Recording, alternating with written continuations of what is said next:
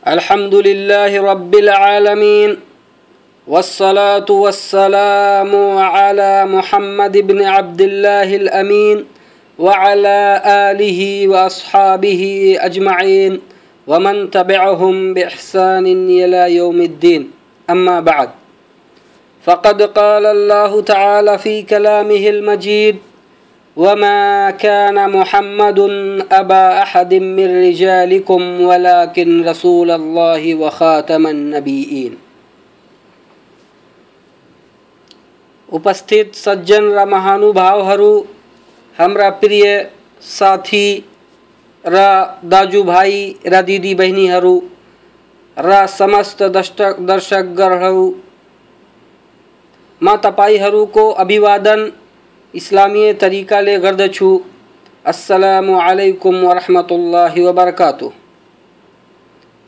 मैं म आजको यस शुभ अवसरमा यस संसार का अंतिम सन्देष्टा समस्त दूतहरूको समापक मोहम्मद सल्लल्लाहु अलैहि वसल्लमको बारेमा केही ज्ञानवर्धक कुराहरूको साथ उपस्थित भएको छु।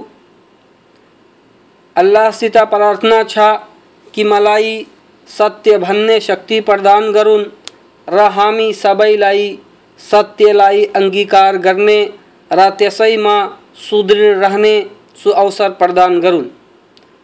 साथै कुनै शाब्दिक त्रुटि भएमा तपाईँहरूसित क्षमा प्रार्थी पनि छु। किनकि मनुष्यले जति जतन गरे पनि त्रुटि त भएर नै रहन्छ। मैले अहिले कुरानको एउटा श्लोकको पाठ गरेको छु, त्यसको अर्थतर्फ लागौँ। अल्लाह तबाक ताला भन्छन्, र मुहम्मद सल्लल्लाहु अलैहि वसल्लम तिमीहरूमध्ये कसैको बा थिएनन्। तर अल्लाहका सन्देष्टा र समस्त सन्देष्टाहरूका समापक थिए। अल्लाहले आफ्नो कौशल आफ्नो कृपा आफ्नो दयाले नै हरेक समूहतिर सन्देष्टा एवं ईशदूत पठाए। जुन सन्देष्टाहरू ती समूहहरूलाई अल्लाहको निर्देशन सुनाउँथे त जसले अनुसरण गर्यो त्यसलाई शुभ संदेश पनि सुनाउँथे र जसले इन्कार गरे त्यसलाई अल्लाहको तिरस्कारबाट डराउँथे। र यसै क्रममा मोहम्मद सल्लल्लाहु अलैहि वसल्लमलाई पनि सन्देष्टा एवं दूत बनाएर र सबै दूतहरूको समापक बनाएर पठाइयो र रसुल सल्लल्लाहु अलैहि वसल्लमलाई हर एक प्रकारले विशिष्ट बनाइयो र सम्पूर्ण जगतको लागि सन्देष्टा बनाइयो। हाशमी वंशमा हाशमी वंशमा उहाँको जन्म होने निर्धारित गरियो। मोहम्मद सल्लल्लाहु अलैहि वसल्लमको जन्म मक्का नामी नगर में सोमवार को दिन हाथी को घटना घटेको साल पाँच सौ इकहत्तर इस्वी सम्बद्धमा भयो। बाबू को नाम अब्दुल्लाह, र आमाको नाम आमिना थियो। र उहाँलाई उहाँको बाजेले मुहम्मद नाम दिनुभएको थियो। र उहाँको बाबुको देहान्त उहाँको जन्मभन्दा पहिला नै भइसकेको थियो, यो सबैलाई थाहा नै छ। र उहाँको चार वर्षको उमेरमा जिब्रिल अलैहि सलातु वसलामले उहाँसम्म आउनुभयो यस्तो अवस्थामा कि अरू केटाहरूसँग खेलिरहनु भएको थियो? अनि उहाँलाई समात्नुभयो र लेटाएर उहाँको सिनालाई च्यात्नुभयो र उहाँको मुटुलाई निकाली, त्यसभित्रबाट एउटा भुरुड निकालेर भुरुड भनेको शैतानको एउटा अंश हुन्छ जुन सबैको हृदयमा हुन्छ। त्यसलाई निकालेर फाले अनि भने यो शैतानको अंश थियो। अनि उहाँको मुटुलाई सुनको तस थालीमा, जमजमको पानीले स्वच्छ पार्नुभयो, फेरि त्यसलाई त्यसको ठाउँमा राखेर जस्ताका तस्तै गरिदिनुभयो। अनि उहाँ संगा खेली रहेका बच्चाहरू दुगर्दै, दुगुर्दै उहाँकी धाई आमा हालिमासम्म पुगे र सारा घटना उनीलाई सुनाए र भने मुहम्मदको त हत्या नै गरियो। तत्पश्चात सबै दुगुर्दै उहाँसम्म आए त के हेर्छन् कि वहाँ को अनुहार को रंग रङ बदलिएको छ। र हज़रत अनस यस हदिसको वर्णन गर्दा भन्नुहुन्छ कि म रसुल सल्लल्लाहु अलैहि वसल्लमको सिना अर्थात् छातीमा त्यस सिलाइको धर्को हेरेको थिएँ। र यस हदिसलाई मुस्लिमले रिवायत गर्नुभएको छ। र रसुल सल्लल्लाहु अलैहि आफ्नो नौ युवा अवस्थामा आफ्नो जाति बन्धुको साथ मक्कामा व्यतीत गर्नुभयो। अनि उहाँ सल्लल्लाहु अलैहि आफ्नो जाति र समुदाय बीच आफ्नो राम्रो आचरणले प्रख्यात हुनुभएको थियो। त्यसमध्ये केही निम्न हुन्। सचरित्रवान, दयावान, सदाचारी, धरोहरी, सत्यवान निष्ठावान आदि। जसले गर्दा उहाँको समाजमा एउटा विशिष्ट स्थान बनिहाल्यो र सबै उहाँको आदर गर्न थाले। र आफ्नो झगडाहरूमा उहाँलाई न्यायकर्ता घोषित गरेका थिए। र विगतमा आएका सबै दूतहरू र सन्देष्टाहरूले मुहम्मद एवं अहमद नामक अन्तिम सन्देष्टा आउने भविष्यवाणी पनि गरेका थिए। कुनै पनि यस्तो सन्देष्टा आएन, जसले मुहम्मद सल्लल्लाहु अलैहि वसल्लमको आगमनको भविष्यवाणी नगरेको होस्। अल्लाहको फरमान छ हेर्नुहोस्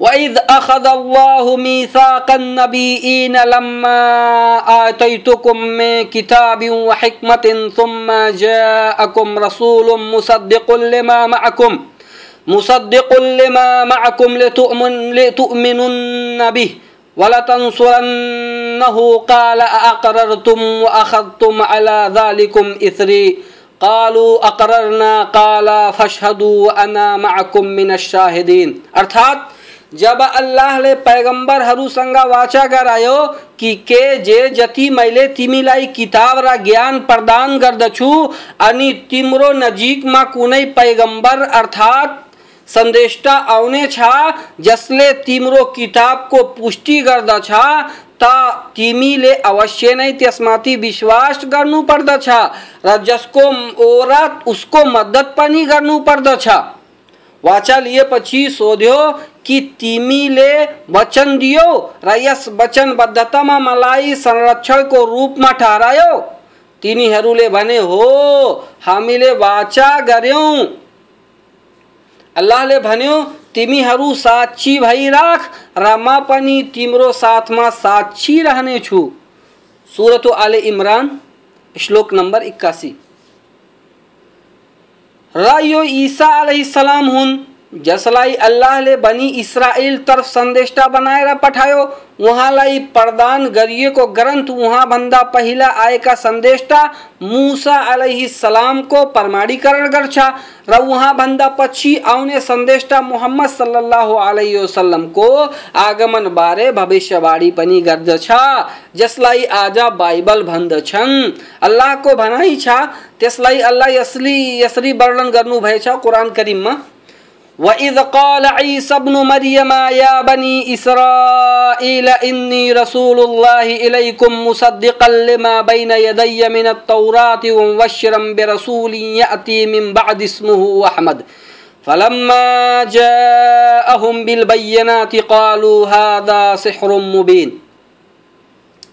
अर्थात रजबा मरियम को छोरा ईसा अलैहिस्सलाम ले भने कि हे मेरो कौम बनी इसराइल म तिमी सबैको लागि अल्लाहबाट पठाइएको रसुल हुँ, अर्थात् दूत हुँ।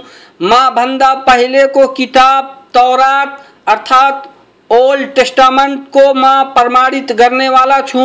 र म पछि आउने एउटा सन्देष्टा जसको नाम अहमद हुनेछ अर्थात् मोहम्मद, उनको शुभागमनको शुभ संदेश सुनाउ सुनाउँछु अनि जब उनी तिनीहरूको पासमा अर्थात् अर्थात् मोहम्मद सल्लल्लाहु अलैहि वसल्लम उनीहरूको पासमा स्पष्ट निशानीहरू लिएर आए, तब तिनीहरूले भन्न थाले कि यो त स्पष्ट जादु हो।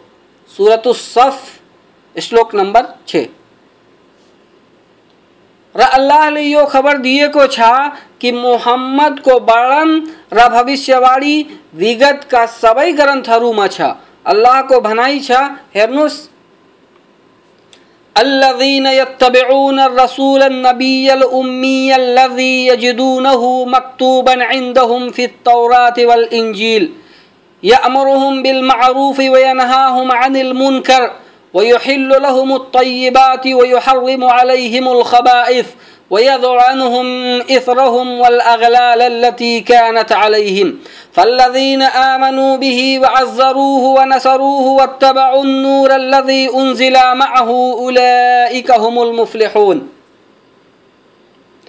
अर्थात जुन मानिसहरूले यस्ता रसुल नबी उम्मी निरक्षरको अनुसरण गर्दछन् जसलाई उनीहरूले आफू कहाँ तौरात र इन्जिलमा लेखिएको पाउँछन् अर्थात बाइबल वा न्यू टेस्टामेन्ट ओल्ड टेस्टामेन्टमा लेखिएको पाउँछन्।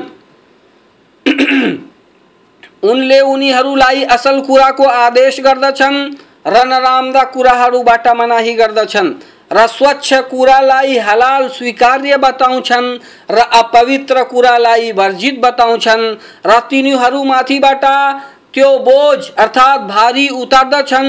जुन अहिले अहिलेसम्म उनीहरूमाथि लादिएका थिए, बन्धनहरूलाई फुक्का गर्दछन्, जसमा उनीहरू जकडिएका थिए। अतः, जो मानिसहरू त्यस नबीमा विश्वास गर्दछन् र उनको समर्थन गर्दछन् र उनको सहायता गर्दछन् र त्यस प्रकाशलाई मान्दछन्, जो उनको साथमा पठाइएको छ, यस्ता मानिसहरू पूर्ण सफलता प्राप्त गर्नेवाला छन्। सुरतुल आराफ आयत नंबर एक सय सत्तावन। र यसलाई इसाई राहिबहरूको यो कुरो पनि प्रमाणित गर्दछ कि जब उनीहरूले मुहम्मद सल्लल्लाहु अलैहि वसल्लमलाई हेरे अनि मुहम्मद सल्लल्लाहु अलैहि वसल्लममा ती सबै गुणहरू स्पष्ट रूपले हेरे, जुन उनीहरूको किताबमा उल्लेख थियो। र जब मुहम्मद सल्लल्लाहु अलैहि वसल्लम परिपक्वताको उमेरमा पुगे, अर्थात् चालिस वर्षको भए, तब अल्लाहले उहाँलाई आफ्नो सन्देष्टा बनाई दूतत्वको महत्त्वपूर्ण कार्यबाट सम्मानित गर्यो। र सम्पूर्ण संसारको लागि मार्गदर्शक बनाई मार्गदर्शक बनाई, यो आदेश गर्यो कि सबैलाई अन्धकारबाट प्रकाशतिर बुलाऊ। र घटना छ सौ दस ईस्वी सम्बतमा घटित भयो। र मोहम्मद सल्लल्लाहु अलैहि वसल्लमको दूतत्व सारा संसारको लागि ठुलो दयाको प्रतीक थियो, किनकि अल्लाहले उहाँकै माध्यमबाट सम्पूर्ण जगतलाई घोर अन्धकारबाट प्रकाशतिर उन्मुख गर्नुभयो। र को प्रकाश प्रकाशतिर मानव पूजा ईश्वर को पूजा पूजातर्फ र सङ्कुचित खुला संसार संसारतर्फ आकर्षित गर्नुभयो र अधिकतम धर्महरूको अन्याय, अत्याचार अत्याचारबाट इस्लामको न्याय एवं समानता तरफ़ प्रवृत्त गर्नुभयो अल्लाहको फरमान छ लक़द मन्नल्लाहु अलल मुमिनीन इज़ बअस फीहिम रसूलन मिन अनफुसिहिम यतलू अलैहिम आयातिहि व युज़क्कीहिम व युअल्लिमुहुमुल किताब वल हिकमा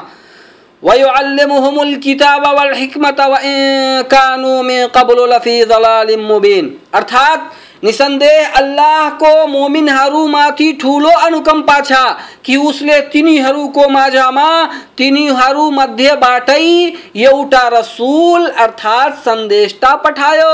जसले कि अल्लाहका आयतहरू पढेर उनीहरूलाई सुनाउँदछ र तिनीलाई पवित्र गर्दछ र उनलाई किताब र बुद्धिमत्ता सिकाउँछ यिनीहरू यसभन्दा पहिला खुल्ला रूपमा पथ विचलन थिए, पथ विचलन में थिए। सूरत आल इमरान, श्लोक नंबर एक सौ चौसठी। रारको ठाउँमा अल्लाहको फरमान छ, वमा अर्सलनाका इल्ला रहमतल लिल अर्थात, रहे मुहम्मद सल्लल्लाहु अलैहि वसल्लम, हामीले तपाईँलाई सम्पूर्ण जगतको निम्ति सर्वथा दयाको प्रतीक बनाएर पठाएका छौँ। सुरतुल अम्बिया श्लोक नम्बर एक सौ सात। र अर्को ठाउँमा अल्लाहको फरमान छ वल्लज़ी बअस फिल उम्मीईन रसूलन मिनहुम यतलू अलैहिम आयातिही व युज़क्कीहिम व युअल्लिमुहुमुल किताब वल हिकमा व इन कानू मिन क़ब्ल लफ़ी ज़लालिम मुबीन व आखरीन मिनहुम लम्मा यलहक़ू बिहिम व हुवल अज़ीज़ुल हकीम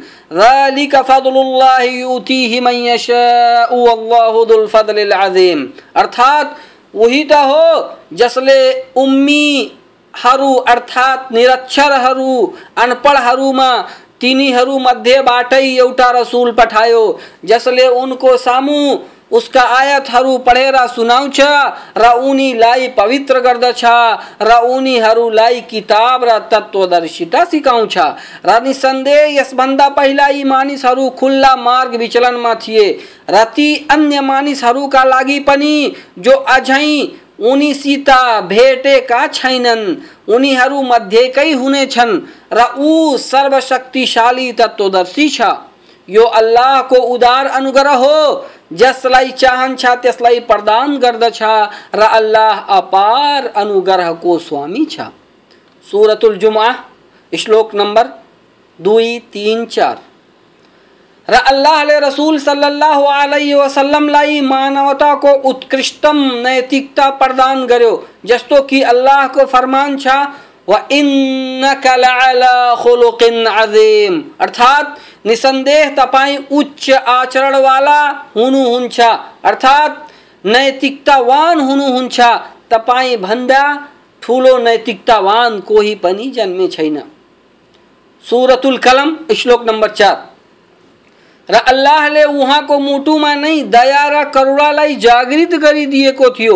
यसै कारण उहाँ सबैमाथि दयावान हुनुहुन्थ्यो अल्लाहको फरमान छ लक़द जाअकुम रसूलुम मिन अनफुसिकुम अज़ीज़ुन अलैकुम मा अनित्तुम हरीसुन अलैकुम बिल मुमिनीन रऊफुर अर्थात हे मानिसहरू, तिमीहरूको माझमा तिमीहरू मध्येबाटै एउटा सन्देष्टा आएका छन्। तिम्रो पीडाबाट उनी दुखी हुन्छन् र तिम्रा भलोको निम्ति चिन्तित रहन्छन्। र इमानवालाहरूलाई निकै माया गर्ने र दयालु छन्। सुरत तोबा, श्लोक नम्बर एक सौ अठाइस र उहाँलाई स्वीकार्य गर्नु र उहाँको अनुसरण गर्नु पनि उहाँको दया र करुणाको कारण नै थियो। अल्लाहको फरमान छ फबिमा रहमतिम मिनल्लाहि लिन्त लहुम वलौ कुन्त फद्दन गलीदल कल्बि रंफद्दू मिन हौलक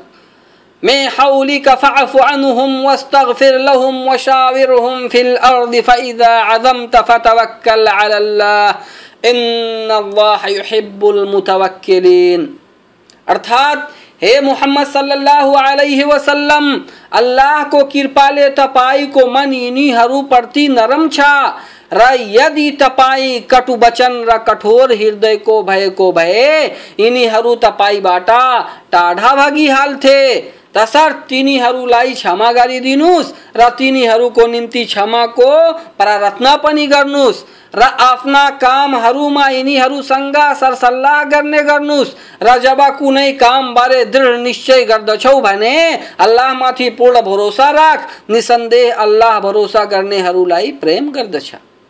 सुरत आल इमरान श्लोक श्लोक फाइभ नाइन। एक सौ उन्सठी। र जसले पनि उहाँको जीवनी पढेका तीन लाई थाहा होला कि वहाँ को आचरण र स्वभाव कस्तो थियो। वहाँ को उत्कृष्ट आचरण मध्य सत्यता, धरोहरता, दया, परोपकारिता, करुणा बलशालिता लज्जा, सहनशीलता, मिठो स्वरमा कुरा गर्नु आदि हो। र जसलाई रसुल सल्लल्लाहु अलैहि वसल्लमको बारेमा अधिक जानकारी चाहिन्छ, त्यो मेरो किताब विश्वको नायक र मुहम्मद सल्लल्लाहु अलैहि वसल्लम मानवताको दूतको अध्ययन गरोस्।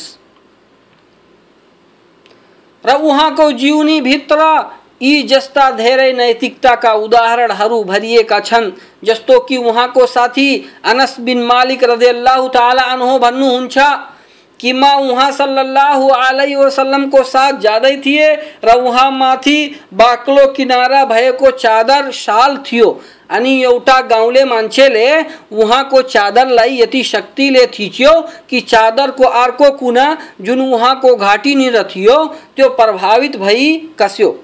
अनि त्यस गाउँले मान्छेले भन्यो हे मोहम्मद अल्लाहको सम्पत्तिबाट मलाई केही दिने आदेश गर अनि रसुल सल्लाह वसल्लम त्यसतर्फ आफ्नो अनुहार फर्काउनु भयो र हाँस्नु भयो।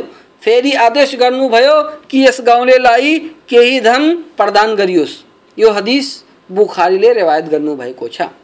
र यस्तै अब्दुल्ला बिन अब्बास रजियल्लाहु अन्हु वर्णन गर्नुहुन्छ कि रसुल सल्लल्लाहु अलैहि वसल्लम सबैभन्दा ठुलो दानी थिए र उहाँ रमजानको महिनामा अरू ठुलो दानी भइहाल्नुहुन्थ्यो जब जिब्रिलसित भेट गर्नुहुन्थ्यो र जिब्रिल प्रत्येक रमजानको प्रत्येक रात्रि उहाँसित भेट्थे र कुरानको पाठ गराउँथे अनि उहाँ सल्लल्लाहु अलैहि वसल्लम वायुभन्दा अधिक दानी भइहाल्नुहुन्थ्यो यो हदीस बुखारी र मुस्लिमले रिवायत गर्नुभएको छ। र अनस बिन मालिक उहाँ सल्लल्लाहु अलैहि वसल्लम को हाँसी मज़ाक एवं नम्रता र बच्चाहरूमाथि उहाँको स्नेहलाई दर्शाउँदै वर्णन गर्नुहुन्छ कि मुहम्मद सल्लल्लाहु अलैहि वसल्लम हामी मध्ये सबैभन्दा राम्रो आचरणवान हुनुहुन्थ्यो तपाईँ हाम्रो घर आउनुहुन्थ्यो र मेरो सानो भाइसँग भन्नुहुन्थ्यो हे अबु उमेर, नुगैरले के गर्यो? अनि फेरि त्योसँग खेल्नुहुन्थ्यो यस हदिसलाई पनि बुखारी र मुस्लिमले रिवायत गर्नुभएछ। र मुहम्मद सल्लल्लाहु अलैहि वसल्लम नबीहरूमा सबैभन्दा उत्कृष्ट र अल्लाहलाई सबैभन्दा प्रिय सन्देष्टा, अल्लाहका सबैभन्दा प्रिय सन्देष्टा हुनुहुन्थ्यो। यसको प्रमाणीकरण सबै नबीहरूले गरेका छन् र पर्लेको दिन पुनः गर्नेछन्। जमा समस्त सृष्टिलाई एउटै मैदानमा, अर्थात् एउटै चौरमा भेला गरिन्छ र सूर्यलाई पृथ्वी नजिक गरिन्छ र सबै व्याकुल र उन्मादी जस्तो अवस्थामा हुन्छन्। अनि भन्ने छन्, के हेरिराखेका छौ? कसैलाई खोज जसले हामीहरूको लागि सिफारिस गरोस्। अनि एक अर्कासित भन्छन् हो। आदम अलैहि सलाम कहाँ जाऊँ? अनि सबै आदम समक्ष आउँछन्। अनि भन्छन्, तपाईँ सम्पूर्ण मानव जातिका पिता हुनुहुन्छ। तपाईँलाई अल्लाहले आफ्नो हातले सृष्टि गरेको छ र तपाईँभित्र अल्लाहले आफै आत्मा हालेको छ र फरिस्ताहरूलाई तपाईँलाई ढोग्ने आदेश गरेको थियो। अनि सबैजना भन्छन् कि तपाईँ प्रत्यक्ष हेरिरहनु भएछ कि हामी कुन अवस्थामा छौँ। अर्थात् हाम्रो लागि अल्लाहसित सिफारिस गरिबक्स्नुहोस् आदम सलाम भन्छन्, मेरो पालनकर्ता आज यति क्रोधित छ, जति पहिला कहिले पनि थिएन। फेरि मेरो पालनकर्ताले मलाई त्यो रुखबाट रोकेको थियो, तर मैले अटेरी गरेँ र त्यस रुखको फल खाएँ। यसले गर्दा तिमीहरू कुनै अर्को कहाँ जाऊ? नु समझ जाऊ। अनि उनीहरू नु अलैहि सलाम समक्ष जान्छन् र भन्छन् हेर्नुहोस् तपाईँ त मानव जातीयतर्फ अल्लाहको पहिलो सन्देष्टा हुनुहुन्छ र अल्लाहले तपाईँलाई कृतज्ञ भक्त भनेछ। तपाईँ नै हाम्रो लागि सिफारिस गर्नुहोस्। के तपाईँ हेर्नुहुन्न कि हामी कस्तो दुर्गतिमा छौँ? अनि नु सलाम पनि भन्छन् मेरो पालनकर्ता आज जस्तो कहिले पनि क्रोधित थिएन। र मैले आफ्नो समुदायमाथि अजाबको याचना गरेको थिएँ। यसो गर, तिमीहरू कुनै अर्कसित गएर सहायता माग। म यो काम गर्न सक्दिनँ। बरु इमरा, इब्राहिम कहाँ जाऊ? फेरि उनीहरू इब्राहिम अलैहिस्सलामतिर लाग्छन् र उहाँसित भन्छन् हे। इब्राहिम अलैहिस्सलाम तिमी त अल्लाहको नबी र मित्र हौ। आफ्नो पालनकर्तासित हामीहरूको बारेमा सिफारिस गरिबक्स्नुहोस् इब्राहिम अलैहिस्सलाम पनि आदम र नु जस्तै जवाब दिन्छन्, र भन्छन्, मैले तिनवटा झुट बोलेको थिएँ, बरु तिमीहरू कुनै अर्कोसित सहायता माग, र भन्छन्, मुसा समक्ष गई आफ्नो अभिप्राय राख। अनि उनीहरू मुसा सलाम कहाँ जान्छन्? र भन्छन्, हे मुसा सलाम, तपाईँ त अल्लाहका विशिष्ट रसुलहरू रसुलहरू मध्येका हौ। तिमीसित अल्लाहले वार्तालाप गरेको छ। तिमी नै हामीहरूको सहायता गर र हामीहरूको लागि आफ्नो पालनकर्तासित सिफारिस गर। हज़रत मूसा सलाम भन्छन् मैले एउटा निर्दोषलाई हत्या गरेको थिएँ, जसको आदेश मलाई अल्लाहले दिएको थिएन बरु तिमीहरू ईसा सलाम समझ जाऊ अनि सबैजना ईसा सलाम कहाँ आउँछन् र भन्छन् हे ईसा सलाम, तपाईँ त अल्लाहको विशिष्ट रसूल रसुल हुनुहुन्छ यसको साथसाथै त्यसको आत्माबाटै हुनुहुन्छ र तपाईँले त बाल्यकालमा नै बोल्नु, बोल्ने बोल्ने चमत्कार गर्नुभएछ। तपाईँ नै हाम्रो लागि सिफारिस गर्नुहोस्। त ईसा सलामको जवाब पनि अरू नबीहरू जस्तै हुन्छ र उनी सबैलाई भन्छन् कि तिमीहरू अन्तिम सन्देशटा मुहम्मद सल्लाह वसल्लम समक्ष आफ्नो अभिप्राय राख्नु उचित छ। अनि मुहम्मद सल्लल्लाहु अलैहि वसल्लम समक्ष आफ्नो अभिप्राय राख्छन् र भन्छन् हे मुहम्मद सल्लल्लाहु अलैहि वसल्लम, तपाईँ त रसुलहरूको समापक हुनुहुन्छ र तपाईँको सबै दोषहरूलाई अल्लाहले क्षमा प्रदान गरिसकेको छ। त हे मुहम्मद सल्लल्लाहु अलैहि वसल्लम तपाईँमाथि अल्लाहको दया होस् हामीहरूको लागि आफ्नो पालनकर्तासित सिफारिस गर्नुहोस् अनि रसूल सल्लल्लाहु अलैहि वसल्लम त्यहाँबाट हिँड्छन् अनि अल्लाहको अर्शमुनि आफ्नो पालनकर्तालाई ढोक्छन् र अल्लाहको प्रशंसा र गुणगान गर्छन् अनि उहाँसित भनिन्छ हे मुहम्मद आफ्नो टाउको उठाउनुहोस् तपाईँ जे पनि माग्नु हुनेछ तपाईँलाई दि दिइन्छ तपाईँलाई मिल्छ तपाईँलाई पर्याप्त गरिन्छ तपाईँलाई प्राप्त गरिन्छ राज्य सिफारिस गर्नुहुन्छ स्वीकार्य गरिन्छ।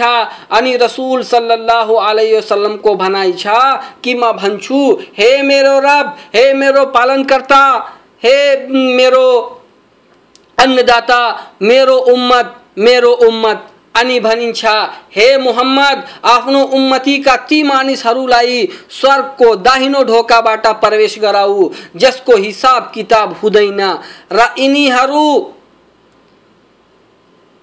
अल्लाह भन्छ जिसको हिसाब किताब हुँदैन अल्लाहको शपथ जसको हातमा मेरो ज्यान छ स्वर्गको ढोकाको दुवै पाटको दूरी यति हुन्छ जति कि मक्का र र हमीर हमीर एउटा स्थानको नाम हो। हमीर अथवा मक्का, र वसराको बिचको दूरी छ। यसको अर्थ ये हो कि त्यति मान्छेहरूलाई अल्लाह भन्छ, कि यिनीहरूलाई त्यस्तै स्वर्गमा हालिदेऊ। यिनीहरूको हिसाब किताब हुँदैन। यस हदिसलाई बुखारीले रिवायत गर्नुभएको छ। र मुहम्मद सल्लल्लाहु अलैहि वसल्लम सबैभन्दा लोकप्रिय सन्देशटा हुनुहुन्छ र सबैभन्दा उत्कृष्ट पनि, जस्तो कि माथि वर्णन गरियो, र यसको साथसाथै समस्त सन्देशटाको समापक पनि हुनुहुन्छ अल्लाहको फरमान छ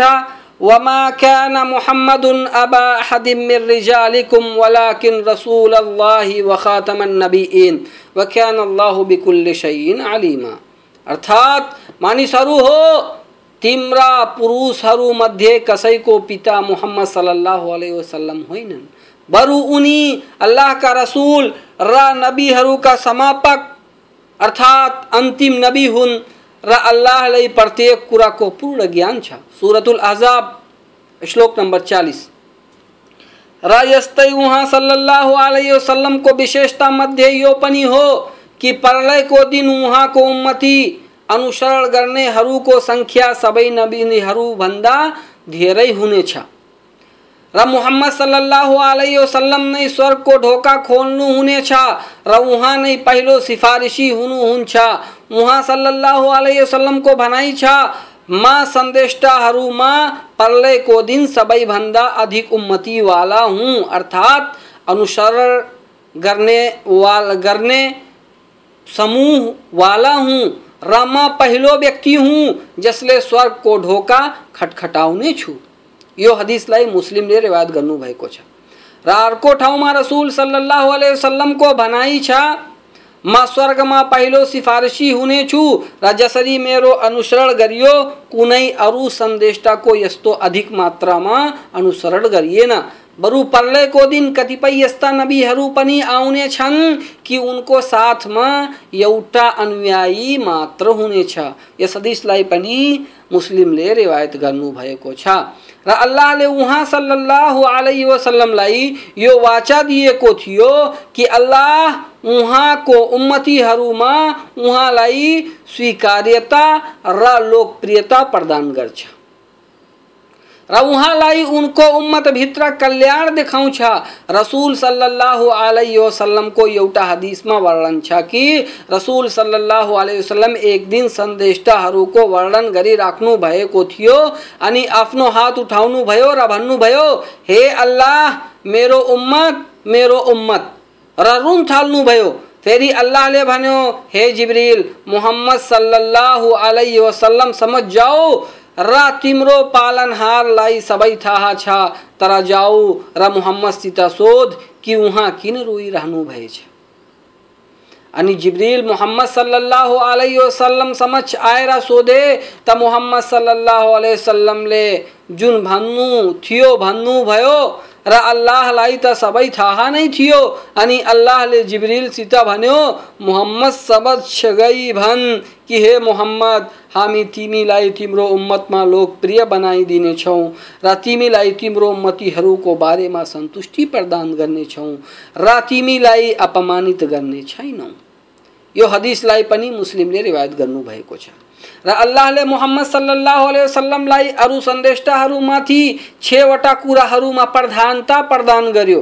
रसुल सल्लल्लाहु अलैहि वसल्लमको भनाइ छ, मलाई छवटा कुराहरूद्वारा अरू सन्देष्टाहरूमाथि प्रधानता प्रदान गरियो। मलाई जवामे उल कलिम वाक्य प्रयोग गर्ने विचित्र शक्ति प्रदान गरियो। र शत्रुमाथि भयद्वारा मेरो सहायता गरियो। र माले गनिमत युद्धमा मिलेको संपत्ति मेरो लागि हलाल गरियो। र समस्त पृथ्वीलाई मेरो लागि पवित्र र नमाजको स्थल बनाइयो। र मलाई समस्त जगत जगततर्फ सन्देष्टा बनाएर पठाइयो। र मलाई समस्त सन्देष्टाहरूको समा, समापक बनाइयो। यस हदिसलाई पनि मुस्लिमले रिवायत गर्नुभएको छ।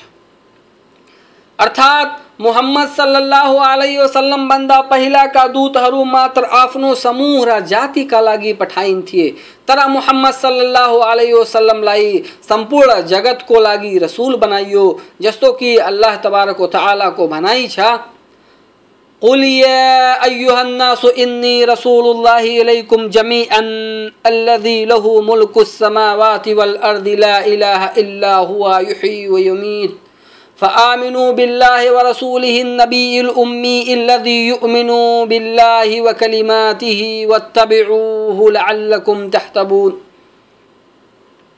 अर्थ तपाईँले भनिदिनु से मानिसहरू म तिमीहरू सबैको लागि त्यस अल्लाहबाट पठाइएको रसुल हुँ, जो आकाशहरू र धरतीको राज्यको स्वामी छ।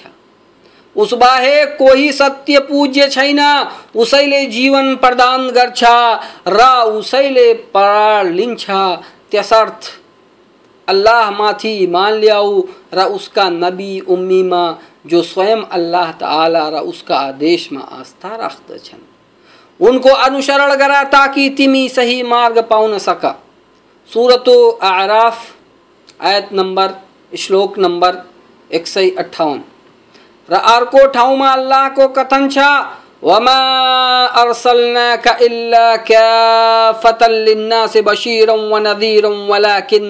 अन्नासि ला यालमून। अर्थात हामीले तपाईँलाई सबै मानिसहरूको लागि शुभ सूचना दिनेवाला र सावधान गर्नेवाला बनाएर पठाएका हौँ किन्तु यो सत्य हो कि धेरै मानिसहरूले बुझ्दैनन् सूरत तौबा, सूरत सबा, श्लोक नंबर अट्ठाईस। र यस्तै अल्लाहले आफ्नो कृपाले मुहम्मद अलैहि वसल्लमका अनुयायीहरूलाई सबैभन्दा राम्रो र लाभदायक एवं उत्तम बनायो अल्लाहको फरमान छ कुन्तुम खैर उम्मतिन उखरिजत लिन्नासि तअमुरुन बिल मारूफ व तनहौन अनिल मुनकर वतनहौन अनिल मुनकरी वतुमिनून बिल्लाहि वलौ आमन अहलुल किताब लकान खैरल लहुम मिनहुमुल मुमिनून व अक्सरुहुमुल फासिकून मानिसहरूका लागि पैदा गरिएको सबै सम्प्रदायहरू मध्ये तिमीहरू सबैभन्दा उत्तम हौ। किनकि सत्कर्म गर्ने भन्दछौ र दुष्कर्मबाट टाढा रहन सिकाउँदछौ। र अल्लाहमाथि आस्था राख्दछौ र यदि अहले किताबले पनि आस्था राखेको भए, तिनीहरूको निम्ति धेरै राम्रो हुने थियो अहले किताब भने यहुदी इसाईहरू। तिनीहरू मध्ये इमानवालाहरू पनि छन् र धेरै जसो अवज्ञाकारीहरू छन्। सुरतो आले इमरान, श्लोक नम्बर एक सय दस। र रसुल सल्लाह वसल्लम भन्नुहुन्छ कि मलाई यस्ता कुराहरू प्रदान गरिएको छ, जुन कुनै सन्देष्टालाई प्रदान गरिएको छैन। त सहाबाहरू, उहाँका साथीहरू भन्छन् कि हामीले सोधे कि ती कुराहरू के हुन्? त रसुल सल्लाह वसल्लमले भन्नुभयो मेरो सहायता शत्रुहरू विरुद्ध भयद्वारा गरियो र पृथ्वीका साँचोहरू मलाई प्रदान गरियो र मेरो नाम अहमद प्रशंसनीय राखियो र पृथ्वीलाई मेरो लागि मस्जिद बनाइयो र मेरो उम्मतीहरूलाई सबैभन्दा राम्रो उम्मती बनाइयो। यस हदिसलाई अहमदले आफ्नो ग्रन्थ मुस, मुस्नद अहमदमा रिवायत गर्नुभएको रसूल सल्लल्लाहु अलैहि वसल्लम तेईस वर्ष संदेष्टाको रूपमा जीवित रहनुभयो फेरि उहाँको स्वर्गवास भयो। रसूल सल्लल्लाहु अलैहि वसल्लमले यस सानो अवधिमा ती सबै निर्देशनहरूलाई पूर्णता आफ्नो उम्मतसम्म पुर्याउनु भयो, जुन उहाँलाई अल्लाहद्वारा प्रदान गरिएको थियो। र आफ्नो उम्मतलाई यस्तो प्रकाशित मार्गमा लगाउनु भयो, जसको रात्रि पनि दिन जस्तै उज्जवल थियो। र उहाँको मृत्युभन्दा अघि नै पुरा अरबमा इस्लाम विस्तार भइसकेको थियो। र आफ्नो अनुयायीहरूलाई यो आदेश दिएर जानुभयो कि उहाँको आदर त गरून्, तर यस्तो आदर नगरून् जसरी यहुदी इसाईहरूले गरे। र आफ्ना रसुलहरूलाई पूज्य नै बनाइहाले रसुल सल्लल्लाहु अलैहि वसल्लमको फरमान छ, मेरो प्रशंसामा यस्तो गोलु, प्रशंसामा सीमाभन्दा अगाडि नजानु जस्तो कि ईसाईहरूले ईसा को बारेमा गरे, म अल्लाहको सेवक हुँ, तसर्थ तिमीहरू मलाई अल्लाहको भक्त र त्यसको रसुल नै भन। यस हदिसलाई बुखारीले रिवायत गर्नुभएको छ। तसर्थ मुहम्मद सल्लल्लाहु अलैहि वसल्लमका अनुयायीहरूले उहाँको कुरालाई मानी, हरेक कुरामा उहाँको अनुसरण गरे र उहाँको सहायता गरे र उहाँसित आफ्नो सन्तान भन्दा अधिक प्रेम पनि गरे र उहाँको समर्थनमा आफ्नो ज्यान माल मात्र होइन, बरु आफ्नो सन्तानलाई पनि बलि बलि गरे र यसको प्रत्यक्ष उदाहरण सहाबाहरू हुन्। यदि अधिक जानकारी चाहिन्छ भने सहाबाहरूको जीवनीलाई अध्ययन गर्नुहोस्। र यस्तै यो धर्म इस्लामको पवित्रता र महानता हो कि यसले सबैलाई यो आदेश दिएछ कि मोहम्मद सल्लल्लाहु अलैहि वसल्लम को अधिकार को ज्ञान प्राप्त गरून् र पूजा आराधना अनिवार्य गर्यो, जसबाट मोहम्मद सल्लल्लाहु अलैहि वसल्लम को आदर होस्। त्यसै मध्ये हो कि कुनै व्यक्ति त्यस बखतसम्म त्यस समयसम्म त्यस अवधिसम्म मुसलमान हुन सक्दैन, जबसम्म मोहम्मद सल्लल्लाहु अलैहि वसल्लमलाई अल्लाहको सन्देशटा स्वीकार नगरोस्। र त्यो कलिमा मन्त्र यो हो, ला इलाहा इल्लल्लाह मुहम्मदुर रसुलुल्लाह। अर्थात् अल्लाह बाहेक अरू कुनै पनि सत्य पूज्य छैन र मुहम्मद सल्लल्लाहु अलैहि वसल्लम अल्लाहको रसुल हुन्। र मोहम्मद सल्लल्लाहु अलैहि वसल्लमसित प्रेम गर्नु अनिवार्य छ र उहाँको प्रेम, सबैको प्रेममाथि उत्कृष्ट हुने हुने जरुरी छ। अर्थात् आफ्नो बाबु, आमा, सन्तान सबैभन्दा अधिक प्रेम गर्ने आदेश छ। रसूल सल्लल्लाहु अलैहि वसल्लम को फरमान छा, कुनै मान्छे तबसम्म आस्थावान हुन सक्दैन जबसम्म मा उसको निकट, उसको सन्तान, बाबु, आमा बाजे र समस्त मानव जाति भन्दा अधिक प्रिय नभइहालौँ यस हदिसलाई बुखारीले रिवायत गर्नुभएको छ अर्थात् वर्णन गर्नुभएको छ र यस्तै अल्लाहले हामीलाई खबर दियो कि अल्लाह र फरिस्टाहरू मुहम्मद सल्लल्लाहु अलैहि वसल्लममाथि अल्लाहको शान्ति पठाउँछन्। र अल्लाहको यो आदेश जारी अल्लाह को यो आदेश जारी भयो कि तिमी हरू पनि उहाँ माथि शान्ति पठाउँदै गर। अल्लाह को फरमान छ, इन्नल्लाह व मलाइकतहु यसल्लून अलन नबी।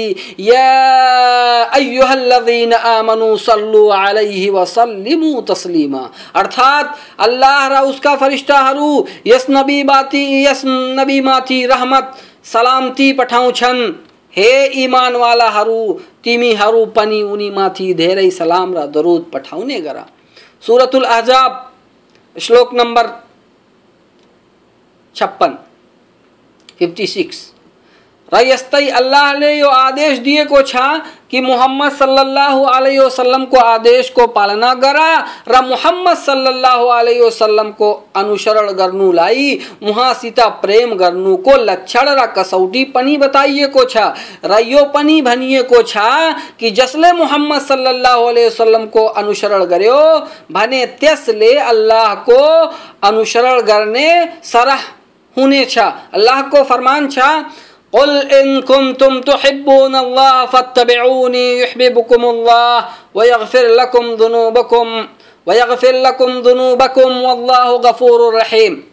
अर्थात हे पैगंबर मानिसहरूसित भनिदिनुहोस् कि यदि तिमी अल्लाहलाई प्रेम गर्दछौ भने मेरो अनुसरण गर। अल्लाहले तिमीलाई प्रेम गर्नेछ र तिम्रा पापहरूलाई क्षमा गरिदिनेछ र अल्लाह अत्यन्त क्षमा दान गर्ने दयालु पनि छ। सुरतो आले इमरान, श्लोक नम्बर इकतिस र मुहम्मद सल्लल्लाहु अलैहि वसल्लम को अनुसरण लाई अल्लाह को अनुसरण बाटा दाजिएको छ, जस्तो कि अल्लाह को फरमान छ कुल अतीउल्लाह वर रसूल फइन तवल्लौ फइन्नल्लाह ला युहिब्बुल काफिरिन अर्थात भनिदिनुस् हे अल्लाह को संदेष्टा कि अल्लाह रसूल को आदेश पालन गरा यदि मान्दैनन् भने अल्लाहले पनि काफिरहरूलाई प्रेम गर्दैन।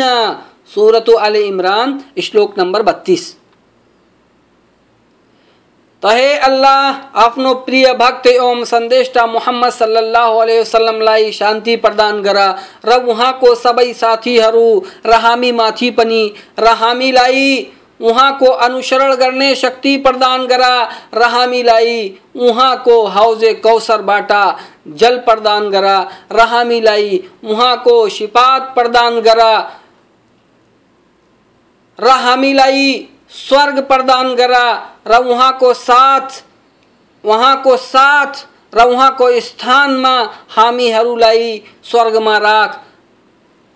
र हामीलाई उहाँको साथ बस्ने, सौभाग्य प्रदान गर र हामीले जे जति पनि अज्ञानताले पापहरू गरेछौँ त्यसलाई क्षमा गरिदेऊ। र हामीले जे पनि यस सभामा सुनेका छौँ त्यसै बमोजिम कर्म गर्ने शक्ति प्रदान गर र हाम्रा बिरामीहरूलाई आफ्नो दयाले सन्चो पार र हामी मध्ये जुन ऋणी छन्, उनको ऋणको भुक्तानी आफ्नो तर्फबाट गर।